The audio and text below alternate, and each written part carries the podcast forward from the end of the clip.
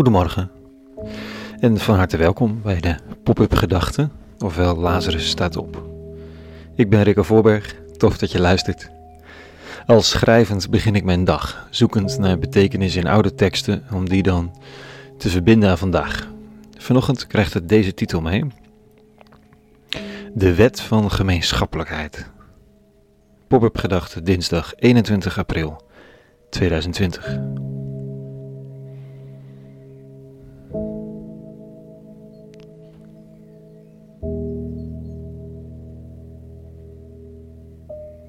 Je moet uiteindelijk toch eerst aan jezelf denken, zou iemand kunnen zeggen. Wie zorgt er voor je als jij dat niet doet? Goede en zinnige beweringen, maar met een kanttekening. Een simpele som zegt namelijk dat als iedereen aan zichzelf denkt, dat er dan steeds door één persoon aan jou gedacht wordt: jijzelf.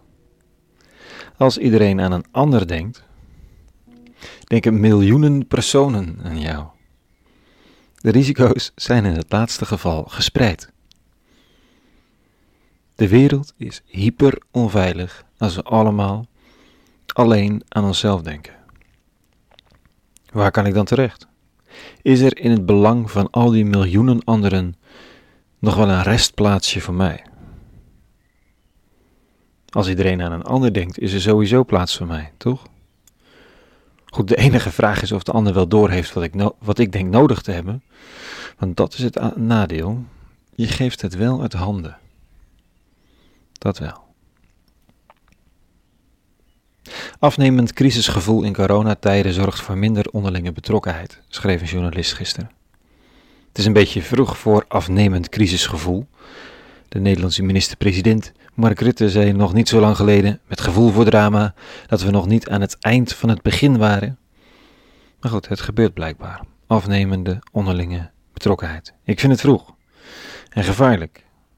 Wat als iedereen in deze tijden echt helemaal voor zichzelf zou gaan leven? Als het steun je lokale ondernemer, de raambezoekjes bij verzorgingstehuizen, het vrolijke krijten tegen leegte, als dat wegvalt, wordt het er bepaald grimmiger op. Ik lees vandaag over de groepen mensen aan het begin van onze jaartelling, die zo maximaal geraakt waren door een verhaal dat voor hen volkomen nieuw was, dat ze gemeenschappelijkheid tot een nieuwe kunstvorm verhieven. Ze heten nog geen christenen, want ze waren geen religie. Ze hadden geen tempel, geen godenbeelden, geen verering van de keizer, helemaal niets. Ze leken volgens sommige historici nog het meest op een gilde, een groep ambachtslieden die alles gaven voor hun vak en voor elkaar. Of mensen van dezelfde filosofische stroming die helemaal gek waren van de wijsheid die ze gevonden hadden.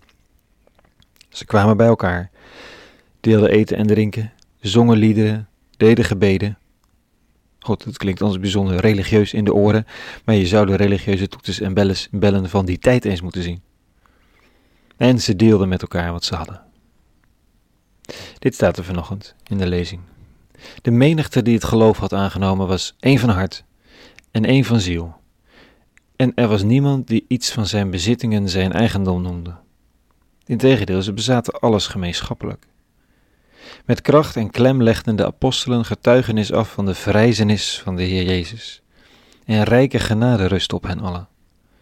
Er was geen enkele noodlijdende onder hen, omdat allen die de landerijen of huizen bezaten, deze verkochten.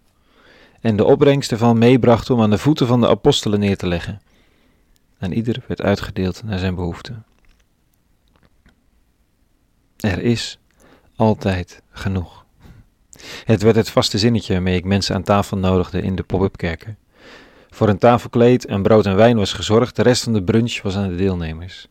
Niemand wist ooit hoeveel er zouden komen, wat ze zouden meebrengen. Elke brunch was anders, maar er was inderdaad altijd genoeg. Of iemand rende nog even naar de winkel. Dat gebeurde ook. Goeie oude tijd van fysieke ontmoeting. Ze geloofden niet meer in geloof in jezelf. Ze geloofden dat de vaste krachten al hadden gewonnen. Ze geloofden dat er niets meer werkelijk te vrezen is als zelfs de dood niet meer dan een tijdelijk oponthoud is op de levensweg. Ze geloofden dat de scheidslijn tussen hemel en aarde was opgeheven. Ze geloofden in delen. Ik weet niet precies wanneer en hoe die euforie is uitgedoofd. Goed, ze is nooit helemaal weg geweest, hè. Maar met het ontstaan van gebouwen voor kerk, die momenteel leeg staan, en religieuze macht, die gelukkig weer is afgenomen, is misschien ook wel deze euforische gemeenschappelijkheid kleiner geworden. Toch hebben we haar nodig. Of je nu gelooft in Jezus van Nazareth of niet. De wet van gemeenschappelijkheid brengt veiligheid en vrijheid. Leert wat liefde en loslaten is. Geeft bestemming aan je eigen leven en de broodnodige waardering voor wie je bent. Wat er ook gebeurd is in die vroege jaren van het christendom, we hebben het hart nodig, welk naamje je er ook aan geeft. Een hele goede dinsdag gewenst vandaag. En vrede. En alle goeds.